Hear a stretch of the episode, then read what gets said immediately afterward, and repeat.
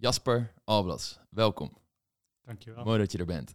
Uh, je bent voedingscoach, maar voor de mensen die jou niet kennen, hoe ziet jouw dagelijks leven eruit als je aan het werk bent? Waar hou je mee bezig?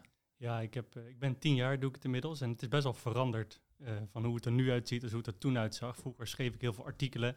Hmm. Ik ben de website jasperalbelas.nl begonnen, dus de, daar, daar stopte ik heel veel tijd in uh, om die artikelen uitgebreid te schrijven. En ik merk dat nu eigenlijk de laatste tijd mijn dagen vooral gevuld zijn met mensen één op één helpen, coaching en het geven van trainingen is wat ik heel veel doe.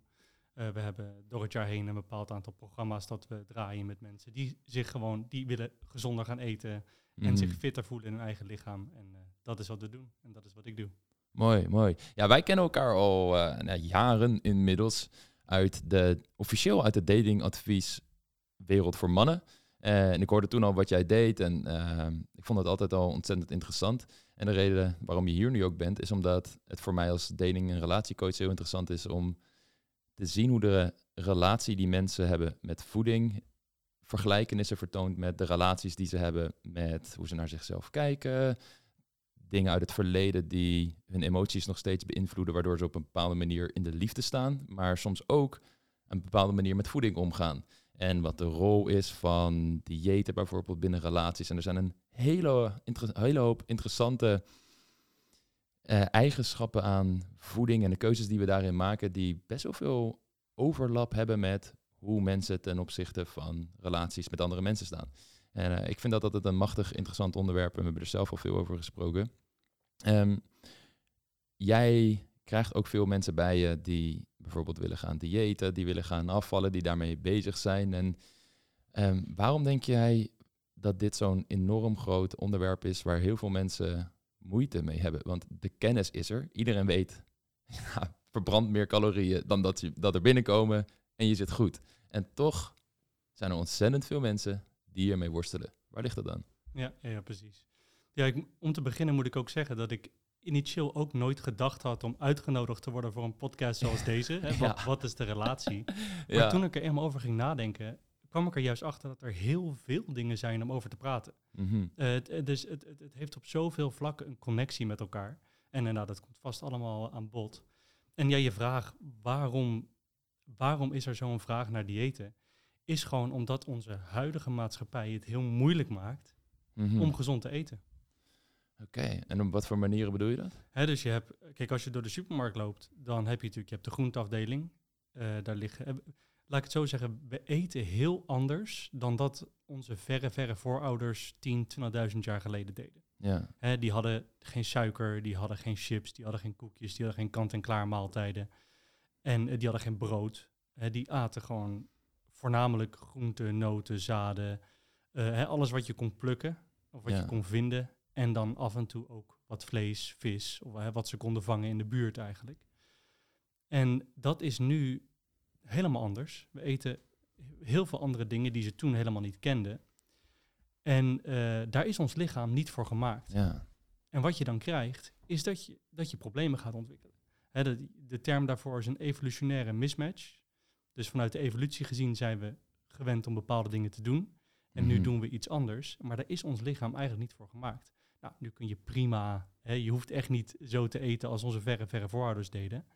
Maar uh, als je daar te veel van gaat afwijken, dan ga je problemen zien. En een van die problemen is overgewicht krijgen. Mm.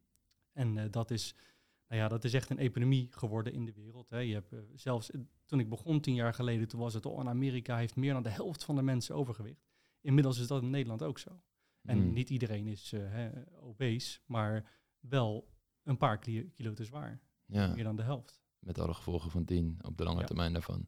Ja, wat je daar zegt, een evolutionaire mismatch is, ik weet nog zelf, toen ik uh, heel veel fitnesste en daar ontzettend veel mee bezig was en mijn vetpercentage laag wilde houden, dat ik gewoon ging kijken naar wat zijn nou de manieren waarop ik het mezelf zo makkelijk mogelijk maak, zonder dat ik al mijn wilskracht daarvoor moet opbranden. Omdat ik ook gewoon aan het studeren was en andere dingen aan het doen was.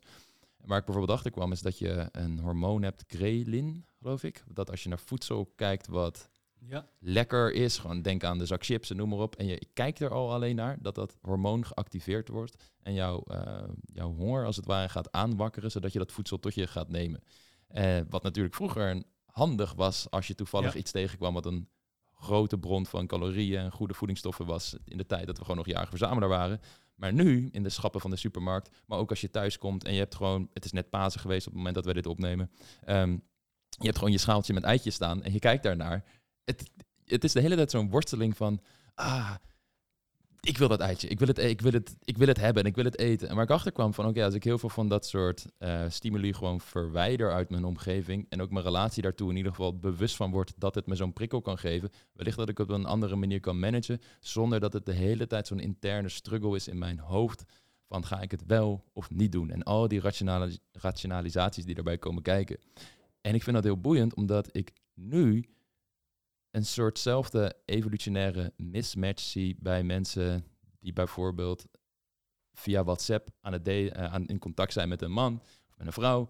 En de hele tijd allerlei signalen die we vroeger niet hadden in de jager tijd gaan proberen te interpreteren om te zien of de relatie nog goed is en wat iemand bedoelt met een bepaald appje, uh, waarbij hun hechtingssysteem, vooral wanneer ze onveilig gehecht zijn, wat ook gewoon evolutionair nut heeft, het hechten en de groep bij elkaar houden, noem maar op, getriggerd kan worden. En dat daar een soort mismatch in zit tussen van uh, de technologische realiteit waarin we nu leven en uh, hoe ons liefdessysteem van oorsprong in elkaar zit. En dat daar best wel een, een worsteling plaatsvindt wanneer je daar niet van bewust bent en je heel erg vanuit automatische patronen gaat leven.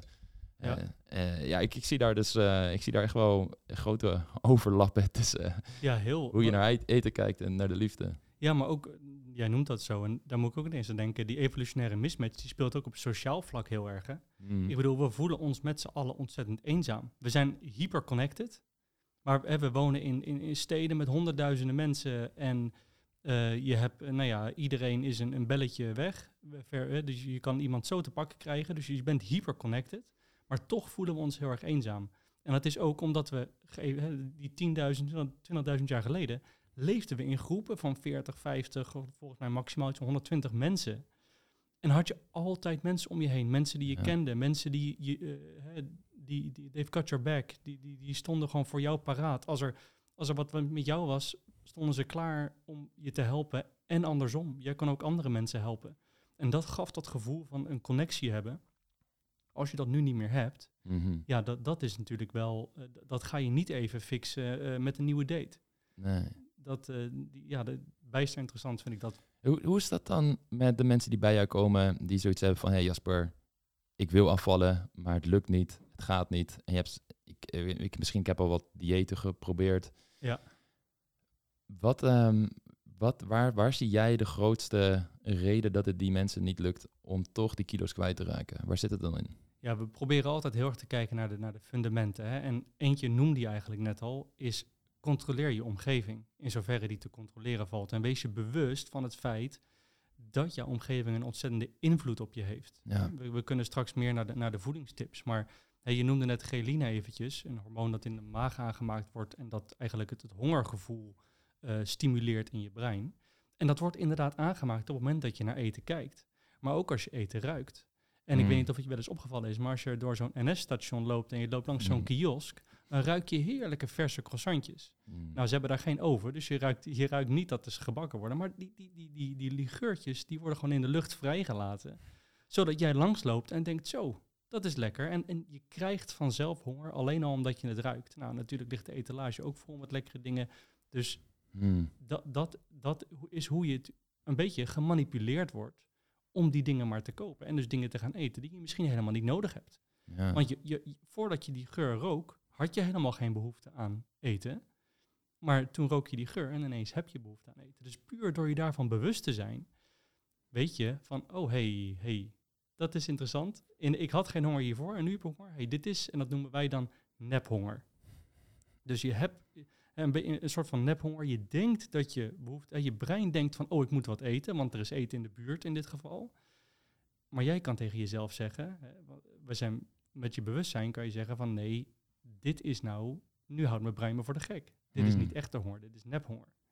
Ah ben benieuwd of, of veel mannen dit ook hebben op het moment dat ze op Instagram scrollen, scrollen en uh, allerlei mooie dames in bikinis voorbij zien komen. Of ze ook een soort nephonger krijgen. Ja. Of dat het echte lustgevoelens zijn die bij hun opgewekt worden. Of dat ze een soort van, omdat ze dat zien, bepaalde delen van hun brein geactiveerd worden, waardoor ze dat kunstmatig bij zichzelf gaan aanwakkeren en daardoor eh, weet ik het wat voor keuzes allemaal gaan maken in het leven.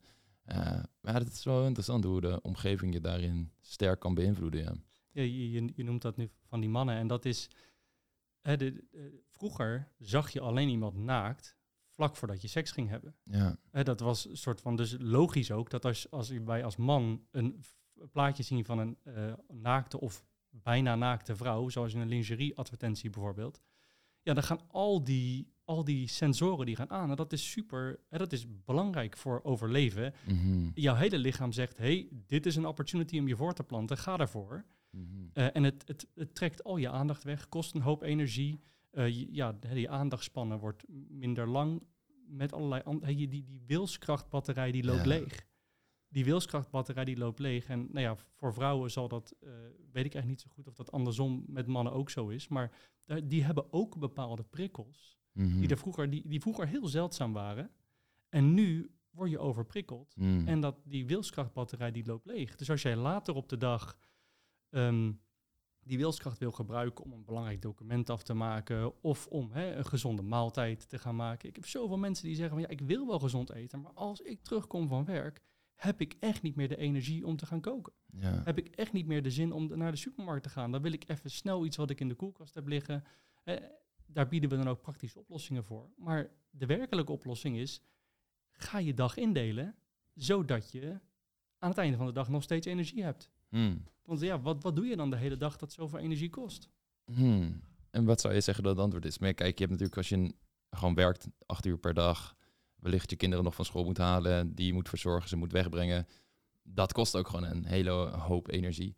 Ik weet nog toen eh, veel van mijn vrienden ook eh, net begonnen met werken, dat ze zeiden van wow, zo'n 40 uur werkweek. Dat is eigenlijk best pittig man, eh, toen Ja. ze van de studie afkwamen. Ja. Wat is jouw remedie, zeg maar, voor dat soort dames en mannen die tegen dat probleem aanlopen? Ja. Wat vertel je? Nou, ik denk dat het belangrijkste is dus voor jezelf in kaart brengen wat de dingen zijn die je energie kosten. En natuurlijk moeten er dingen gebeuren. Hè. Dat, ja, de, hè, de kinderen moeten naar school, die moeten naar de voetbaltraining s'avonds. Of, hè, de- de- dat- natuurlijk zijn dat soort dingen die, die, die, die moeten gewoon gebeuren. Maar ehm, er zijn dingen waar je invloed op hebt. Bijvoorbeeld op je werk. Werk je ergens waar je je fijn voelt? Of heb je eigenlijk een hekel aan je leidinggevende bijvoorbeeld? Mhm. Als dat zo is, doe er wat aan. Mhm. Eh, en, en dat is niet altijd binnen een weekje gefixt. Maar weet je, ga kijken op LinkedIn. Ga kijken of er andere functies zijn. Ga je omscholen. Of, nou ja, hè, dat zijn best wel ingrijpende acties. Dat snap ik ook wel. Dat is niet iets wat je in een paar dagen doet. Maar ehm, ja, wees, wees je ervan bewust dat jij de baas bent van je eigen leven. Jij bent de, de CEO van je eigen leven. Als jij het niet Mhm. doet, gaat niemand anders het doen. Ja. En die dingen, dus het, het is gewoon een, als iemand tegen mij zegt, goh, maar als ik thuis kom na zo'n dag, dan, dan heb ik gewoon geen energie om gezond te eten. Natuurlijk kan het wel eens een keer voorkomen, maar komt dat consequent voor? Ja, dat is voor mij een rode vlag. Dat is van, hé, hey, waar gaat het mis dan? ja.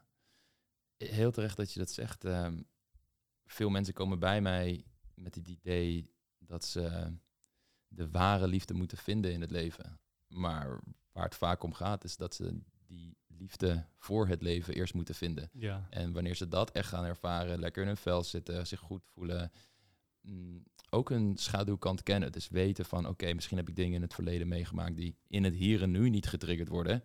Maar zodra ik met een man in het gaat daten, komt dat opeens wel naar de oppervlakte.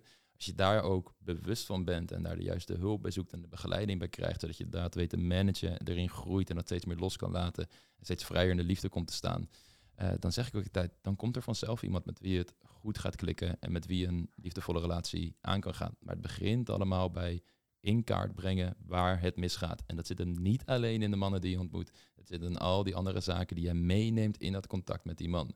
En iets soortgelijk hoor ik jou dus zeggen over diëten, gezond leven, gezond eten.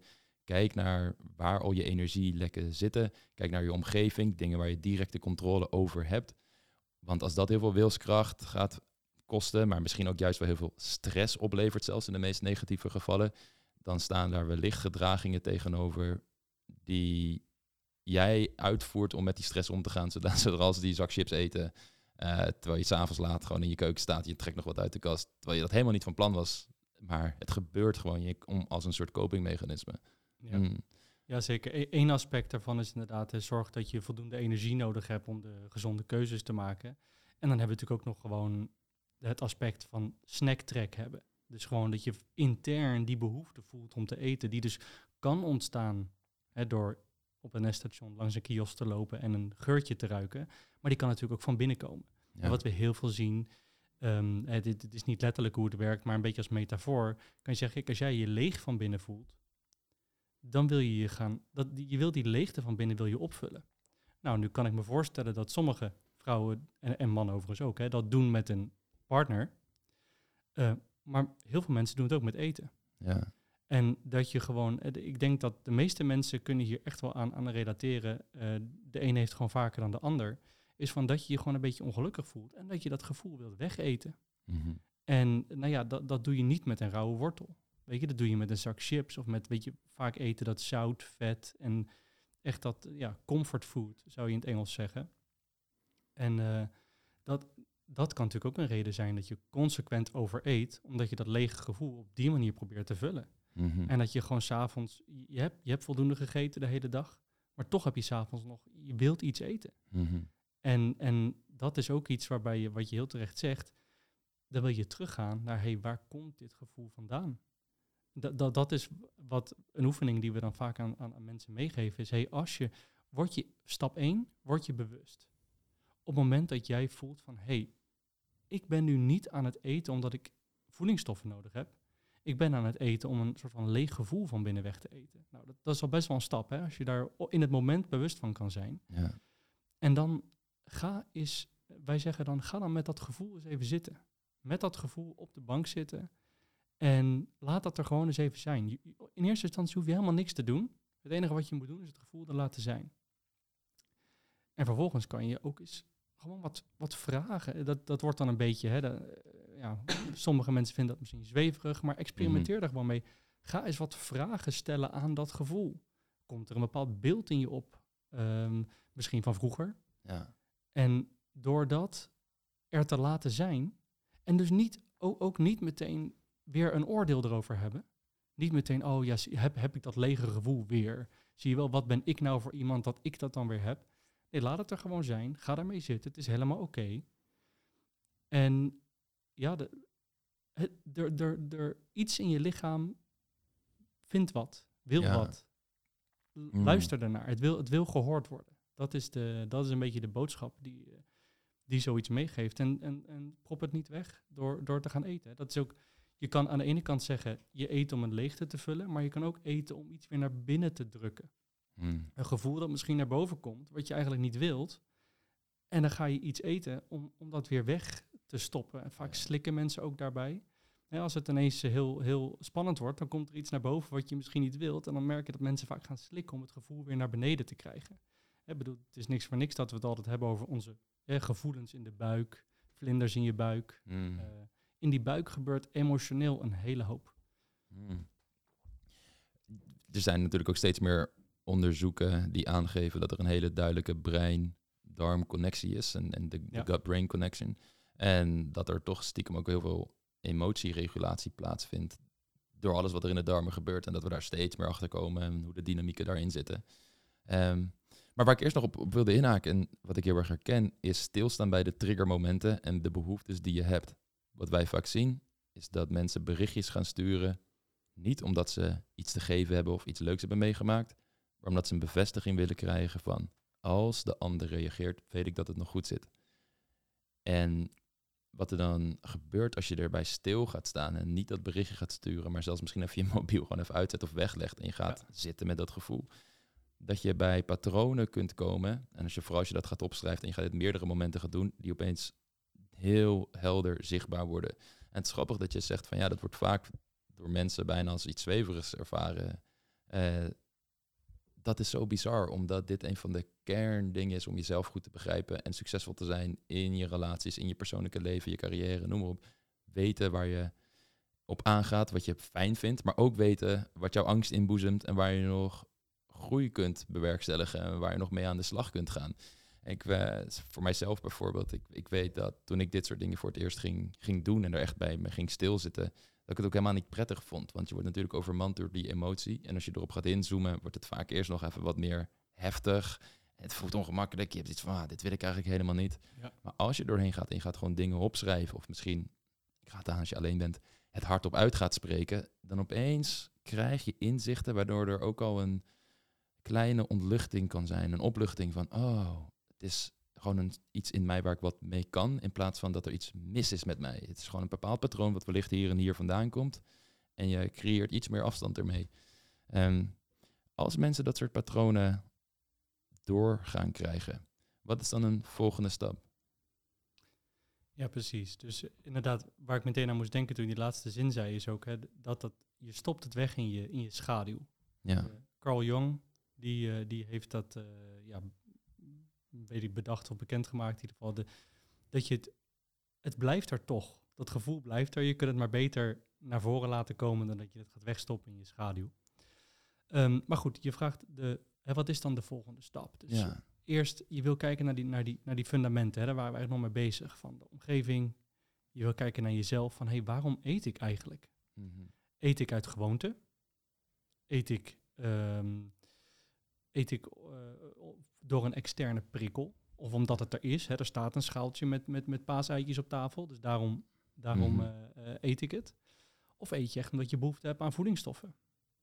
En hè, dus als jij gewoon van jezelf hebt... hey, ik, heb, ik heb nu behoefte aan voedingsstoffen.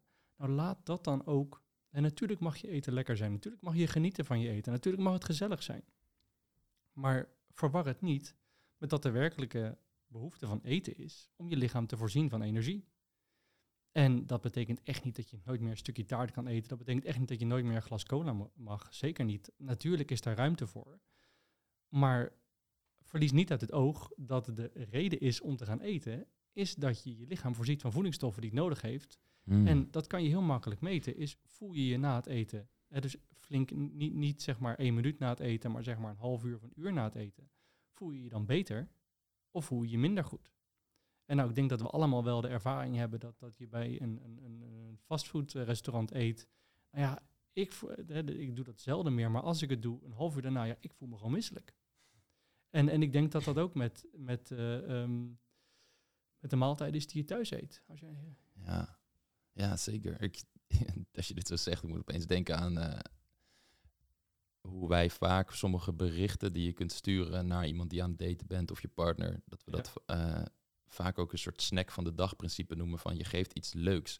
Maar wat nog, ligt nog een betere beschrijving zou zijn, is het zijn als het ware, als je het echt vanuit een gevende positieve energie zo'n bericht stuurt en je voegt iets toe, je stuurt misschien een podcast. eh, nou, toevallig, we nemen een podcast op. Je stuurt een podcast die je interessant vond of een speldartikel wat je grappig vond. Iets gevends.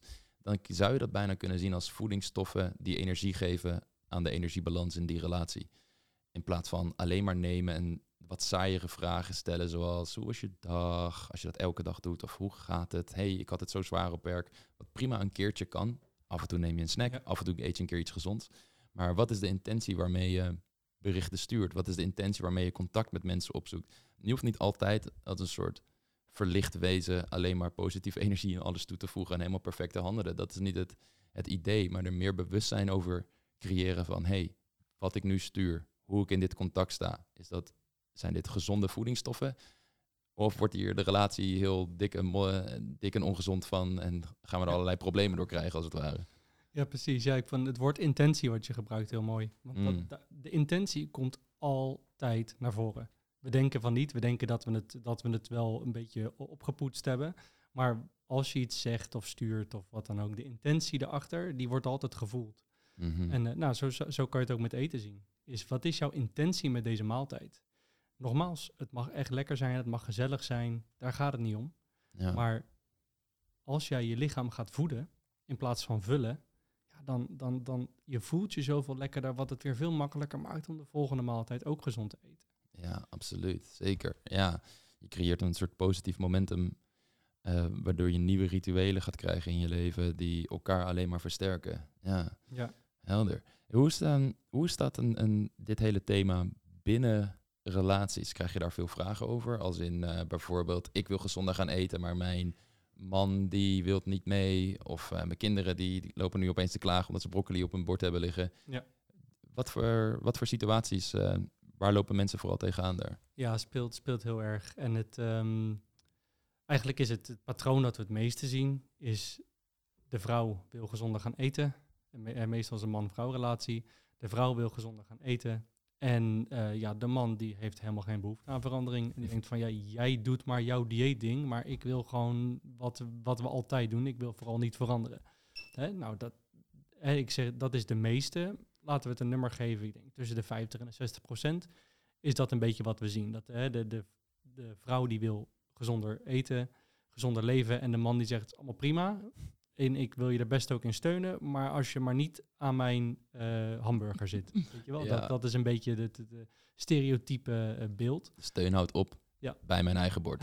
ja. En, en eh, dan is er ook een hele grote groep waar de man steeds groe- een groeiende groep, dus steeds groter wordende groep eh, van mannen die zeggen van nou weet je wat, ik heb daar ook wat over gelezen, laten we dat maar eens gaan doen. Mm. En dat met z'n twee gaan doen. En je ziet dat daar gewoon het succespercentage veel hoger ligt. Mm. Want als je steun hebt aan elkaar, Ja, ehm, dan, dan, is dat, eh, dan is dat veel makkelijker om het vol te houden. ja.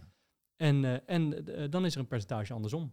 En dat is het kleinste percentage. Maar dat is de man die zegt van, goh, hey, ik wil gezonder gaan eten. En de vrouw die zegt, ehm, eh, nou ja, je, je doet maar lekker wat je wil. Maar ik, ja, meestal doet de vrouw dan wel mee. Maar, maar ehm, Denk je dat dat in de marketing van jullie zit dat jullie meer vrouwen aantrekken? Of dat het gewoon deze verdeling ook wel een goede weerspiegeling is van hoe dat in de maatschappij in Nederland zich afspeelt? nou, als we, ik, ik denk dat het met name ook tussen het stereotype verschil tussen mannen en vrouwen te maken heeft. Eh, er zijn natuurlijk hè, er zijn, eh, vrouwen met mannen, eh, man- meer mannelijke kwaliteiten en mannen met meer vrouwelijke kwaliteiten. Maar even als we gem- het gemiddelde nemen, Mhm.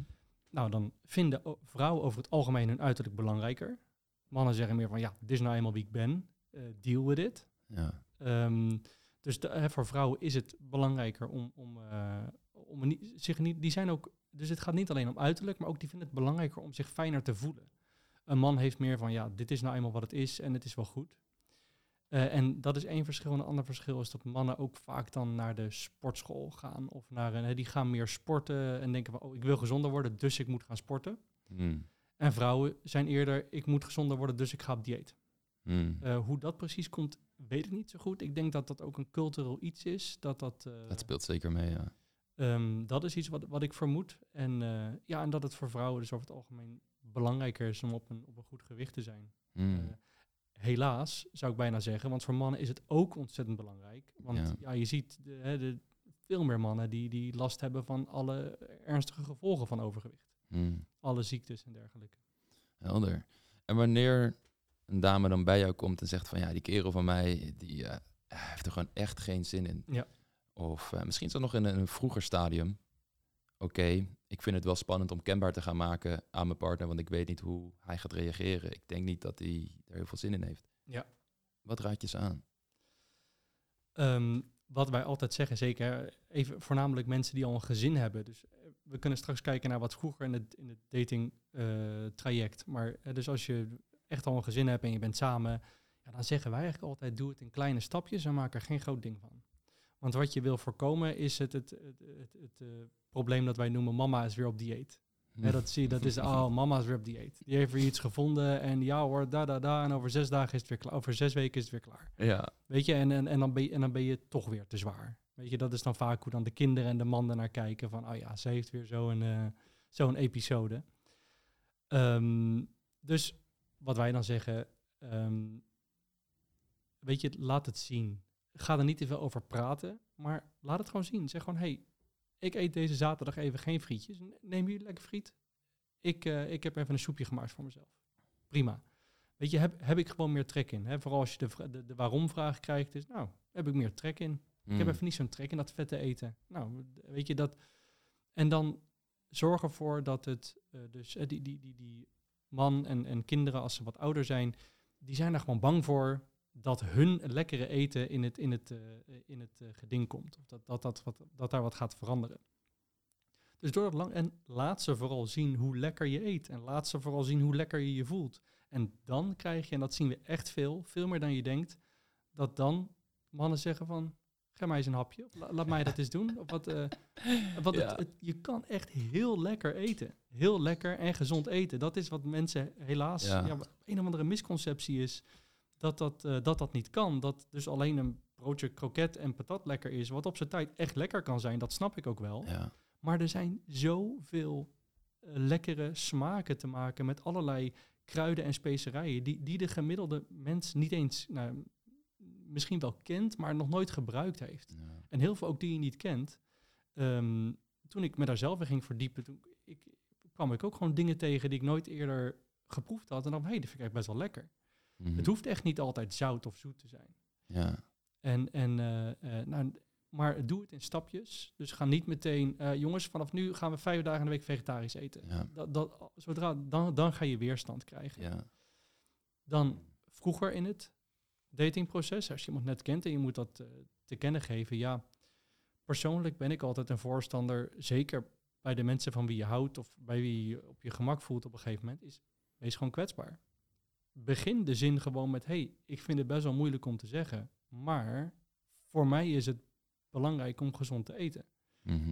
Ik zou het vaak ook, ja, als je het, het argument van ik wil me gewoon fijner voelen in mijn lichaam, waar geen woord aan gelogen is, dat werkt altijd het beste. Dieet is, daar hangt altijd zo'n, daar hangt zoveel aan, weet je wel. Ik wil op dieet of zo, dan mag je heel veel niet. Nee, onzin. Ja. En het heeft ook iets tijdelijks. Een soort Ja. van, ik ga dit eventjes doen. Ja, En dan ja. ah, ga ik gewoon weer terug naar al mijn oude gewoontes. Wat Ja. natuurlijk niet de bedoeling is. Nee, ja, ik, weet- ik, ga, ik ga vandaag heel goed douchen Ja. en dan, en dan douche ik niet meer, want dan ben ik schoon, toch? Ja. Nee, ja, zo, je, je- je moet- Even één keer naar de gym. Ja. ik een jaar niet meer. precies. Ja. Je moet gewoon elke, je gaat elke ochtend even douchen. Ja. Dat is met dieet ook. Je moet het wel elke dag doen. En natuurlijk kan er wel eens een dag tussen zitten dat het even niet gaat. Helemaal prima. Mm. Eh. Ja, het is een super mooie aanpak. Wat ik daarin hoor is wanneer je natuurlijk in een, in een relatie zit en je hebt kinderen en er is een gezinsstructuur, dat de identiteit van die man ook heel erg verweven is met wie zijn vrouw is, hoe zijn vrouw zich gedraagt en noem maar op. En wanneer die vrouw opeens haar identiteit, bijvoorbeeld ik ga gezonder eten, gaat veranderen, wenkt, wekt dat heel veel angst op voor het onbekende. Maar ook hij voelt dat zijn identiteit daardoor ook gaat veranderen. Want dat is deels opgebouwd van, vanuit het perspectief met wat voor mensen je omgaat. En allemaal wat voor persoon jouw vrouw is. Eh, waardoor als je dat inderdaad een groot ding gaat maken en je geeft een soort aankondiging van nou, er gaan eens even flink dingen veranderen waar hij helemaal geen zin in heeft. Ja. Mensen inderdaad in weerstand gaan. Het is een hele goede tip voor heel veel zaken die je wil veranderen in de relatie. Ga het inderdaad niet groot maken door aan te kondigen, maar inspireren door het gedrag te vertonen. En laat ze merken dat het inderdaad prettiger is. En dat is een hele goede test ook om te zien ehm, of je met iemand te maken heeft die überhaupt ook een beetje het beste met jou voor heeft. Want als iemand ziet dat jij gelukkiger bent, meer energie hebt, prettiger in je vel zit, dan hoort je partner daar blij mee te zijn. En te denken van, oh wauw, ik zie dat je echt aan het veranderen bent. En dat nou, maakt me best wel gelukkig, maakt me trots. Je wilt het beste voor, voor je partner in je relatie. En in, ook met communicatieproblemen, met issues die ik daar heel veel voor bij mij krijg, geef altijd zo'nzelfde iets mee. Ik ga niet van 0 naar 100, waarbij 100 echt een serieus gesprek is. Ja. Maar ga inderdaad gewoon zelf anders reageren. Show, don't tell. Laat het zien, laat het ervaren dat het fijner is om naar elkaar te luisteren en niet te schreeuwen. Zet het voorbeeld en dan zie je of de ander aanhaakt of afhaakt. Ja, het is een, een, een, eh, een hele mooie manier. En wat je al zegt, dat is volgens mij ook de manier om die veranderingen in de relatie teweeg te brengen. Eh, waarop je de grootste kans hebt dat dat echt gaat lukken. Ja, Ja, en, en, en een stukje empathie is daar natuurlijk ook zeker op zijn plek. Om, om ook in, in te zien dat op het moment dat jij dus gezonder gaat eten. En je hebt s s'avonds, stel dat jullie de gewoonte hebben om s'avonds de frituur aan te zetten. En dan eh, terwijl je Netflix kijkt, een paar van die mini frikandellen op te eten met z'n tweeën. Of, of een bak popcorn voor dat matter, dat maakt niet uit. Maar op het moment dat jij op een gegeven moment zegt van hé, hey, ik hoef dat niet meer. Je doet het een paar dagen op rij. En dan schijn je dus wel het licht op zijn slechte gewoonte. ja. Want hij weet donders goed dat dat niet is.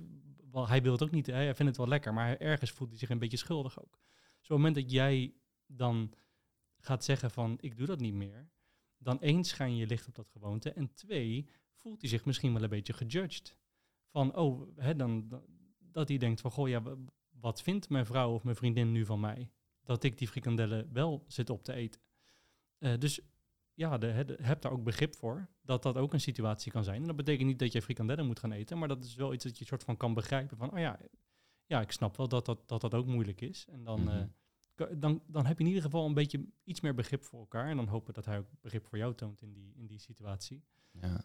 Ehm, iets om in je achterhoofd te houden. Heel, nou, ik zou zeggen niet alleen in je achterhoofd. Dit is ontzettend waardevol, want eh, wanneer je laat zien dat je de belangen van de andere persoon meeneemt, dat je je in kan leven in hun situatie, zijn ze automatisch veel meer geneigd om zich in, ook in te gaan leven in jouw situatie.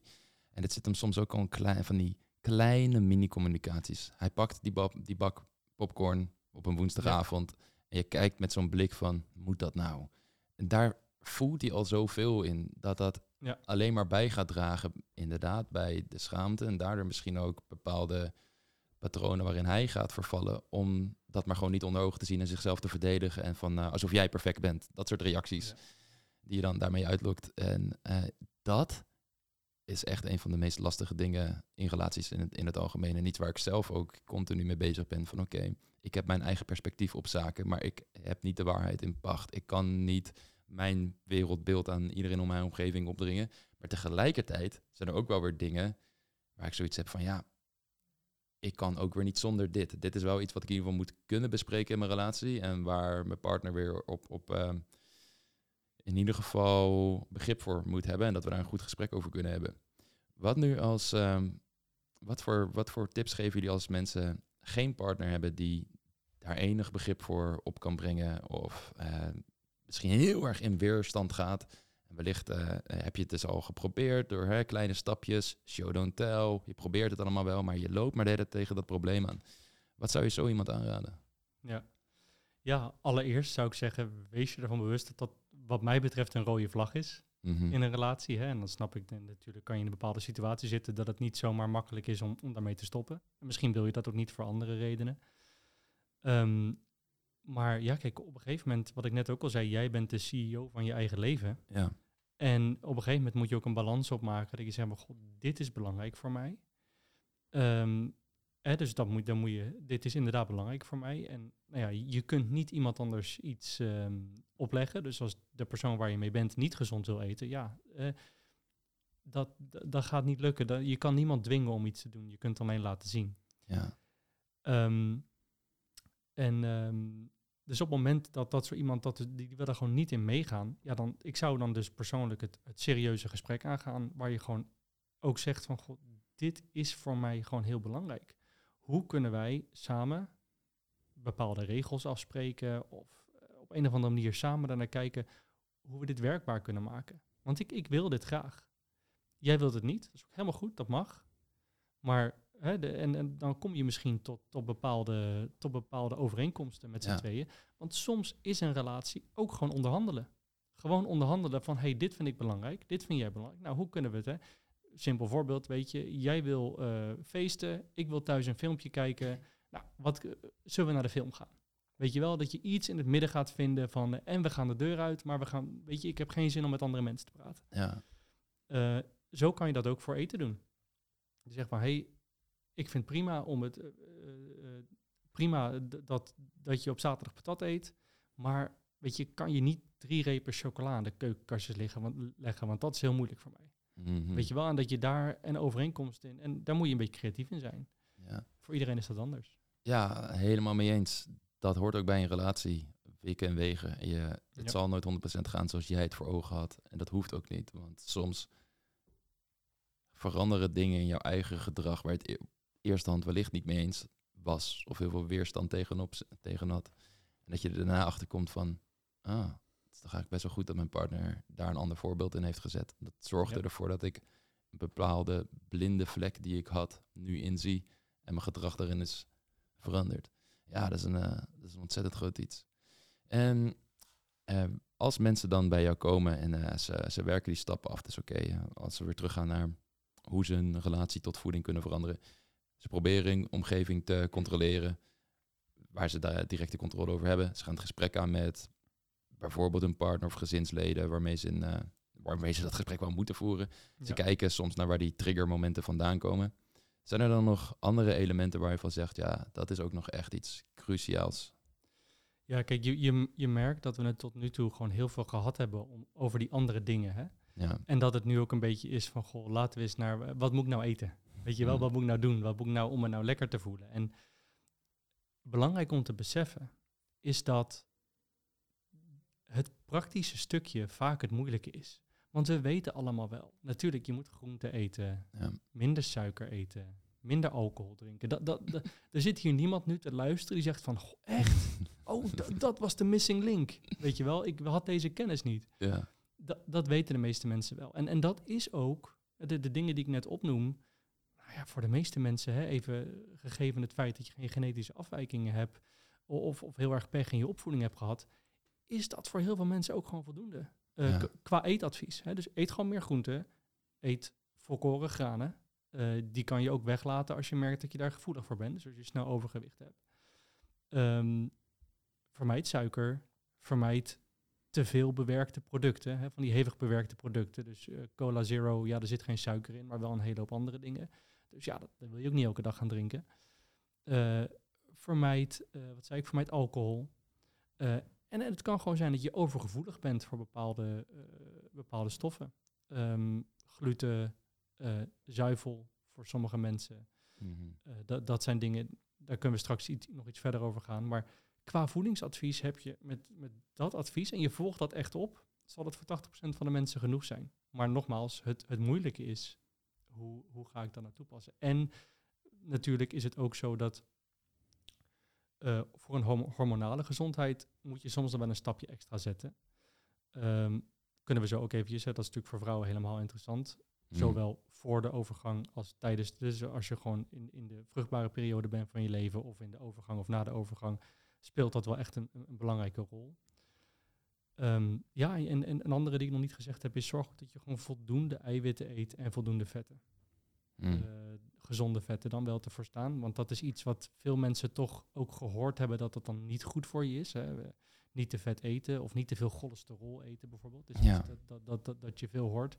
Ja, dat is, dat is een beetje achterhaald, eh, achterhaald advies. En de ene persoon kan iets beter met vetten omgaan dan andere. Dus eh, je hoort ook wel eens advies van, oh, doe 's ochtends een schep kokosolie in je, in je koffie of zo. Nou, dat, dat zou ik niet doen. Dat is wel heel extreem. Maar je kunt prima gewoon een, een avo- avocado of, of, of noten waar die relatief veel vet bevatten. Ja, dat is eigenlijk alleen maar hartstikke goed voor je. Of, olijfolie. Ja. dit, maar dit is ook het magische, vind ik, maar ook het super interessante van de hele eh informatiebusiness waar wij allebei in zitten. Ja, op het gebied van voeding, ook op het gebied van liefde. Dat we weten de principes. Die geven we aan mensen. En Ja. toch lukt het op, voor, voor een gelukkig een grote groep wel. Maar voor een bepaalde groep mensen, het lukt ze nog steeds niet. Ze blijven tegen bepaalde onzichtbare muren aanlopen. En zitten vaak zelf ook met de haren, met de handen in het haar van... Hoe kan dit? Ik probeer de principes op te volgen, maar het werkt toch niet? Of ze houden het een tijdje vol, maar hebben toch weer een terugval en pakken de oude gewoontes weer op. Waarna ze opeens na soms een jaar weer bij je komen en zeggen van ja, het ging lekker, maar Ja. toch weer een terugval gehad. Ik moet weer opnieuw. En ik weet dat nog heel goed in mijn begintijden als coach dat ik soms mannen bij me kreeg toen ik alleen nog datingadvies voor mannen deed.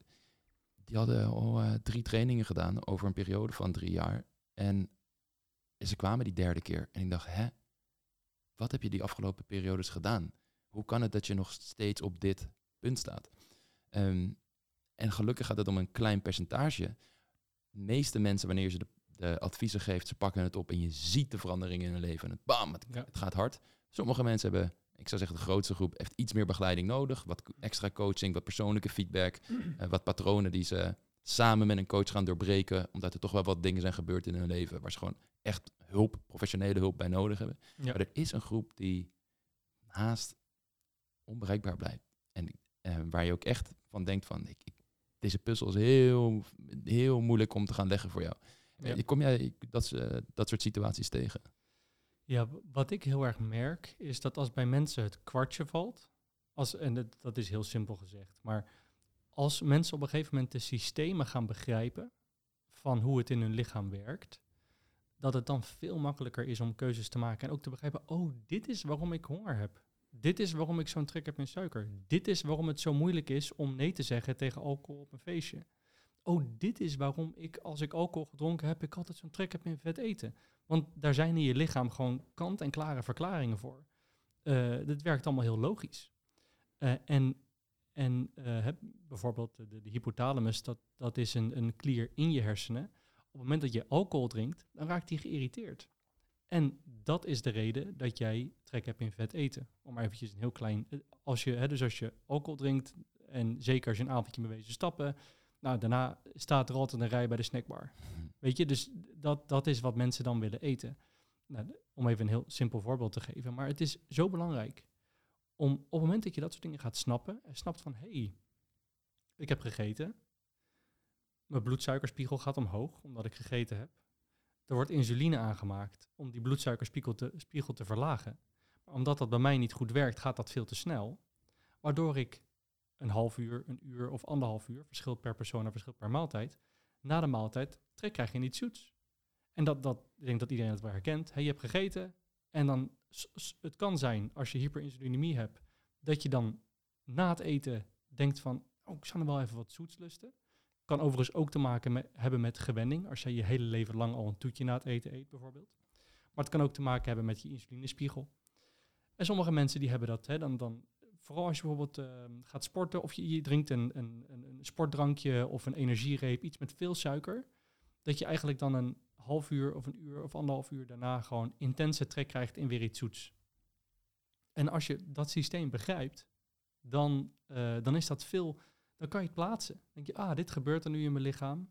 En dan is het veel makkelijker om, om, het, om het vol te houden. En, en dat is eigenlijk wat wij zien, is dat is factor 1, die de succesgraad heel erg verhoogt. En factor 2 is dus de praktische oplossingen, die we heel erg proberen te bieden. Hè, door makkelijke, gezonde uh, en lekkere recepten mm -hmm. aan te bieden voor mensen. En, en een makkelijke manier om te sporten. Uh, gewoon vanuit je huis. Uh, en, en, en allerlei uh, programma's daaromheen. Door, door, door het makkelijk te maken en door het te begrijpen, dan zie je dat die succesrate heel erg omhoog gaat. Mm -hmm. En um, ja, de, de, en een, om even een kleine inzicht te geven. Kijk, je hebt natuurlijk een heel hormonaal systeem. Dat veel te complex is om nu te bespreken, maar wel mega interessant is. Uh, omdat dat bepaalt gewoon hoe jij je voelt nou ja, vrouwen kunnen het meest relateren, denk ik, hè, aan, aan het, de geslachtshormonen, uh, oestrogeen en progesteron. Dat is de reden waarom, als je menstrueert, je uh, de ene week zo voelt en de, de ene week voel je vervelend en de week daarna voel je heerlijk, alsof je het on top of the world bent. Uh, of je voelt je wel aantrekkelijk en niet aantrekkelijk. Ja, dat doen allemaal die hormonen. Dat gaat, dat gaat niet vanzelf. Dat doen allemaal die hormonen. En um, nou, dus het hormonale systeem. Je noemde net al even darmen darm en brein zijn een hele belangrijke component. We hadden het over emoties eerder. Emoties zijn gewoon chemische cocktails in je brein. Die stofjes noemen we neurotransmitters. En die bepalen zoveel. Die bepalen of jij je kunt concentreren. Die bepalen of je je gelukkig voelt. Die bepalen of je gemotiveerd bent. Die bepalen in, in welke mate je gestrest bent of juist kon, kon, kunt ontspannen. En dat heeft met een goede darmwerking te maken. Ook dat, dat de, je zenuwstelsel verbindt eigenlijk je darmen en je hersenen met elkaar. Maar die, diezelfde stofjes die in je hersenen aanwezig zijn, zijn ook in je, in je darmen aanwezig. Mm. En um, ja, dat, dat soort systemen spelen zo'n zo'n grote rol in hoe jij je voelt. Ja. En ja, dat, dat is super interessant. De, de reden waarom ik het ook zo boeiend vind is, er zijn, we hebben al een paar pijlers besproken van nou, als je daarmee aan de slag gaat, controleer die omgeving, ga het gesprekken met je partner, al, al die zaken en heb de kennis, zodat je ook weet wat je wel en niet moet eten. In ieder geval de basiskennis. Je hoeft er niet zo diep in te zitten, Jasper, maar in ieder geval de basiskennis, die iedereen, zoals je zelf ook al zegt, weet. Bepaalde dingen wel eten, bepaalde dingen niet eten. Iedereen snapt dat, iedereen weet dat en toch lukt het sommige mensen niet om het te doen. En ik ben heel erg benieuwd waar dat dan volgens jou in zit. Ja, ja, ja precies. Nou, ik, ik denk, hè, voor, voor iedereen is dat anders. Iedereen vindt andere dingen moeilijk om vol te houden. Dus ik denk dat het heel goed is, een beetje om als, als eerste tip te geven, zeg maar, is hou een dagboekje bij. Schrijf gewoon op van, hey, ik wilde dit gaan doen. Ik wilde dit gaan eten bijvoorbeeld. Maar omdat er dit en dit gebeurde, is, is, heb ik iets anders gegeten wat ik misschien niet wilde. Mm. Zonder oordeel. Gewoon bijhouden doe je dat even twee, drie weken, dan zie je echt wel een patroon. Zie je van, hé, hey, als ik met andere mensen ben, dan is het moeilijk. Of juist, hé, hey, als ik alleen ben, is het moeilijk. Ehm, want want dat, dat, dat, zijn een beetje de, de, de, de grote dingen. Zijn, kijk, over welke, welke eh, producten heb jij geen portiecontrole? Dat is belangrijk voor jezelf om te weten. Als jij gewoon weet, als ik helemaal één blokje chocola eet, dan gaat die hele reep op. Kan ik mezelf niet inhouden. Portiecontrole is dan de hoeveelheid eenheden die jij van een product Precies. naar binnen werkt. Ja. Ja, ja, ja, Ook hoe- donuts is voor mij eh, eigenlijk gewoon één grote donut. Ja, Ja. precies. Dus je hebt een lage portiecontrole over de, over de donuts, precies. En, en probeer, wees... Geen portiecontrole over de donuts. Ja. Dus hè, dat betekent niet dat je ze nooit meer mag eten, maar wees je er bewust van. Want dat is wat er gaat gebeuren. Eh, chips is ook typisch zoiets, weet je wel. Als je een bak chips neerzet, ja, als je er helemaal één eet, dan is het feest. En dan gaat, dat, eh, dan gaat die hele bak op. Ehm, dus dat is iets. Dus de, de type product kan je gewoon, hey, daar liggen mijn zwakheden. Nou, fijn, dan weet je dat in ieder geval. Eh, je wil kijken naar hoe zit het met sociale druk. Eh, zeker, de zomer komt er nu weer aan. Op terrasjes zitten. Ja, dan wordt er wel een beetje van je verwacht dat je een wijntje of een biertje drinkt. In veel vriendengroepen. Ehm, dat is, en, en dat is niet goed of fout, maar dat is iets om je bewust van te zijn. En ook te leren om nee te zeggen. Om te zeggen, Ja. "Goh, voor mij even niet. Je ziet dat steeds. Ik zie het in mijn vriendengroepen steeds vaker. Dat mensen zeggen, joh, nu even niet. Ja. Eh, wat altijd een goede is, is om het tijdelijk te maken. Oh, ik, eh, hè, dus stel dat je het moeilijk vindt om te zeggen, ik drink niet, zeg je, oh, ik drink vanavond niet. Mhm. Of deze tien dagen, of deze dertig dagen. Of, eh, dat, dat- is gewoon, ki- kijk hoe jij met die druk omgaat. Mm. wil- ik weet ook veel mensen die bijvoorbeeld een tijdje geen koffie willen drinken. Koffie is een heel apart onderwerp, kunnen we het over hebben. Maar stel, stel dat je even een tijdje geen Het is te confronterend voor mij. Ja. Als we Ja. daarover gaan hebben, la- laat dat maar zitten. Joh. Laat ik nog even in mijn schaduwkant zitten. Nee, Ja. het is een hele gezonde aspect aan koffie. Dus eh, in die zin is het... eh, Oh, nou dan. eh, ja, Ja. helder. En, maar, maar niet te veel, maar goed. De, het, en, en je wil, bedoel, stel dat jij een, een verkopende functie hebt. Dus je bent een salespersoon en je komt ergens op afspraak en die wil, "Oh, wil, je, wil je bakje? Weet je wel, en dat je dan dus ook nee durft te zeggen als je nee wilt. Eh, dat is ook iets waar je gewoon bewust van wil worden van hey, dat soort situaties zijn voor mij belangrijk. Die bewustwording is de eerste. En dat is al, dan kan je jezelf echt al een schouderklopje geven. Hmm. Als je gewoon voor jezelf bewust bent van hey, dit is gewoon moeilijk voor mij. Ja. En dan kan je daarna wel gaan werken aan, goh, hoe zou ik dat dan aanpakken? Hoe zou ik dat dan makkelijk vinden voor mezelf? ja. Nou, En, en, dus we hadden het net over sociale situaties, maar misschien vind je juist alleen zijn moeilijk. En zijn dat de momenten waarop je dus van het plan afwijkt, om het zo maar even te zeggen. Het is zo boeiend, want alles wat je zegt draait om zelfkennis. Weten wat er voor, voor jou Ja. werkt. Welke situatie heb ik mijn patronen niet meer in de hand? In welke situatie ga ik een beetje weg bij mezelf? Wellicht zelfs dan laat ik me leiden door de omgeving waarin ik mij bevind. En ehm, ik had toevallig van de week nog een coaching call met een dame die in een relatie zat waarbij ze zichzelf heel erg verloor, omdat ze alleen maar naar de ander toe aan het bewegen was. En Ja. het ging zo ver dat zij bijvoorbeeld in een, ehm, een, een yoga pants, zo heet het volgens mij, niet meer door een restaurant durfde te lopen, omdat haar vriend ooit had gezegd van ja, dat hoort eigenlijk niet en eh, noem maar op. Ja. En dat zelfs toen het uit was, zij nog steeds dat in haar hoofd had. En dat ze toen met vriendinnen was, na het sporten, eh, ze waren gewoon ergens aan het lunchen, en even de jas aandeed om naar het toilet te gaan. En dat de vriendin ook vroeg, "Hè, maar wat doe je? Waar ben je nou mee bezig? Ja. Van, wow, ja, nee, dat zit nu zo in mijn systeem eigenlijk daardoor. Omdat die ex dat zo aan het controleren was. En het boeiende daarvan is, is zij heeft ook een persoonlijkheid. Dat als we een persoonlijkheidstest zouden doen met de, met de Big Five, dan zou ze waarschijnlijk hoog scoren op agreeableness. Dus ze zou waarschijnlijk het lastig vinden om grenzen te stellen. Moeilijk om nee te zeggen. Terwijl voor andere mensen dat echt totaal geen probleem is, die daar heel laag op scoren. En voor die mensen is het extra belangrijk om goed na te gaan van oké, wat zijn nou de keuzes die in lijn zijn met hoe ik mijn leven wil leiden. Een soort Noorderster die ik in mijn leven heb, een soort ideaalplaatje waar ik nooit 100% aan ga voldoen. Dat hoeft ook helemaal niet. Perfectie bestaat niet, maar dat het in ieder geval richting geeft voor de keuzes die ik van dag tot dag, moment tot moment maak in mijn leven. En wat ik jou hoor zeggen is, ga dat in kaart brengen. Wanneer matcht jouw gedrag nou niet met dat ideaalplaatje? Wat zijn als het ware de valkuilen waar je de hele tijd intrapt? En dat stukje zelfkennis is echt ontzettend interessant. Je gaat zo anders naar jezelf kijken, naar de wereld, naar relaties, naar alle patronen die binnen je spelen. En het brengt ook heel veel rust, omdat je Ja. de wereld en jezelf gewoon beter gaat begrijpen. van oké, ik snap wat mijn triggers zijn. En als je dan in de situatie bevindt, is het op een gegeven moment ook meer dat je het overzicht kan houden van, ah, wacht even, die persoon zegt nu dit en ik voel dat het deze emotie bij mij losmaakt. Maar in plaats van dat, je, dat die persoon dat zegt en jij dat gewoon uitleeft, heb je het door, kun je afstand bewaren en een reactie kiezen. En daar is dus wel wilskracht voor nodig in dat specifieke moment, die een andere dynamiek tussen jou en die persoon gaat creëren of tussen jou en dat bakje koffie. En dat is een, een, een mechanisme, ja, als, als mensen iets mee willen nemen uit deze, deze hele podcast, dat is dat wel hetgene dagboeken bijhouden, introspectie, kijken hoe je in elkaar zit, wat jouw knoppen zijn en die gaan veranderen. Ja, zeker voor die, voor die, nou laat ik zeggen, 80% van de mensen is dat gewoon, dat is, eh, ze weten wel. Hè, als die mensen gewoon voldoende groenten zouden eten, minder suiker, minder alcohol, eh, het rijtje wat we net noemden, dan, dan zien die gewoon hele goede vooruitgang. En dan, als je overgewicht hebt, ga je afvallen en je krijgt meer energie en het gaat allemaal goed werken.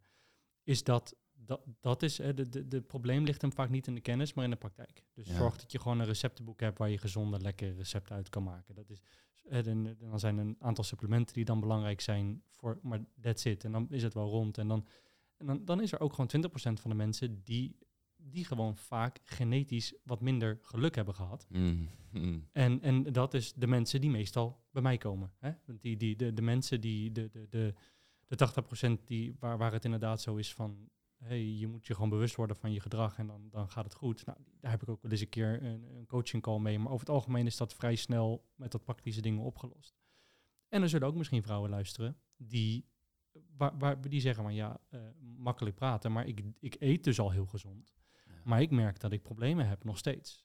En, en dus ik wil alleen even benoemen, dat, dat is er ook. Hè, wat wij de laatste tijd erg veel doen, DNA-test, bloedtest, speekseltest. We gaan gewoon meten. We gaan gewoon kijken, wat, je, zal er versteld van staan hoe dat werkt. Er zijn gewoon bepaalde genen in jouw DNA. Het uh, apolipoproteïne E-gen bijvoorbeeld, afgekort APOE, dat codeert gewoon voor hoe jij je, of jij wel of niet tegen alcohol kan. Bijvoorbeeld, er zijn mensen die, die daar uh, voor E4 coderen, het C-type. Ja, die moeten gewoon, als die alcohol gaan drinken, dat is gewoon echt ongezond. En als jij het A of B-type bent, dan kan zelfs een één of twee glazen alcohol per week, misschien zelfs iets meer, kan zelfs een gezond effect hebben. Mm. En C-types die moeten bijvoorbeeld echt niet het ketogeen dieet. Ja, die voor hè, die moeten zes weken, kan misschien wel drie maanden, kan ook nog wel, maar verder moeten die niet te veel ketogeen gaan eten. Terwijl voor A Wat is ketogeen? Ketogeen is heel laag in koolhydraten. Mm. Dus dan eet je echt uh, eigenlijk 5% van je energieinname zijn koolhydraten, de rest is vet en energie. Dus vrij extreem dieet, zou ik ook niet zo snel aanraden. Maar om maar even een voorbeeld te geven, hè, dat, dat, dat die mensen hebben andere behoeftes, wat voor vetten, eiwitten en koolhydraten, hoe, hoe ze tegen alcohol kunnen. En nog veel meer, en zo zijn er nog een aantal genen, uh, denk dat het nu niet de juiste plek is om het te bespreken. Maar je, je, kunt gewoon echt, ook hoe stressgevoelig je bent, hoe snel maak je adrenaline aan, hoe snel breek je het af. En als je dat van jezelf weet, dan weet je ook waar je op moet letten. En de, de meeste mensen die, die hebben dat op zich wel voor zichzelf uitgevonden, maar er is dus zo'n 20% van de mensen waar dat gewoon niet het geval is. En die lopen er steeds tegenaan. En dan doen we een bloedtest en of een DNA-test. En dan zien we ja, dat is ook logisch. Want jij, jij codeert ook voor deze specifieke dingen heel anders. Jij moet dit doen en jij moet dat doen. En dan zien we dat vrij snel dat dat om te draaien is. Ook daar is weer een klein percentage waar het dan nog dieper ligt. Ja. Maar dat, die hebben gewoon echt pech, om, om eerlijk te zijn. En natuurlijk, hè, daar gaan we wat aan doen, maar daar is echt meer onderzoek en tijd voor nodig. Hm. Maar, en, en, en voor de mensen die luisteren en zeggen, DNA-test lijkt me wel wat.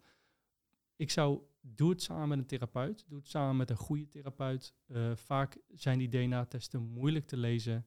En de informatie die je erbij krijgt, dat is, ja, u heeft 60% meer kans op Alzheimer. Krijg je, het staat er dan, weet je wel.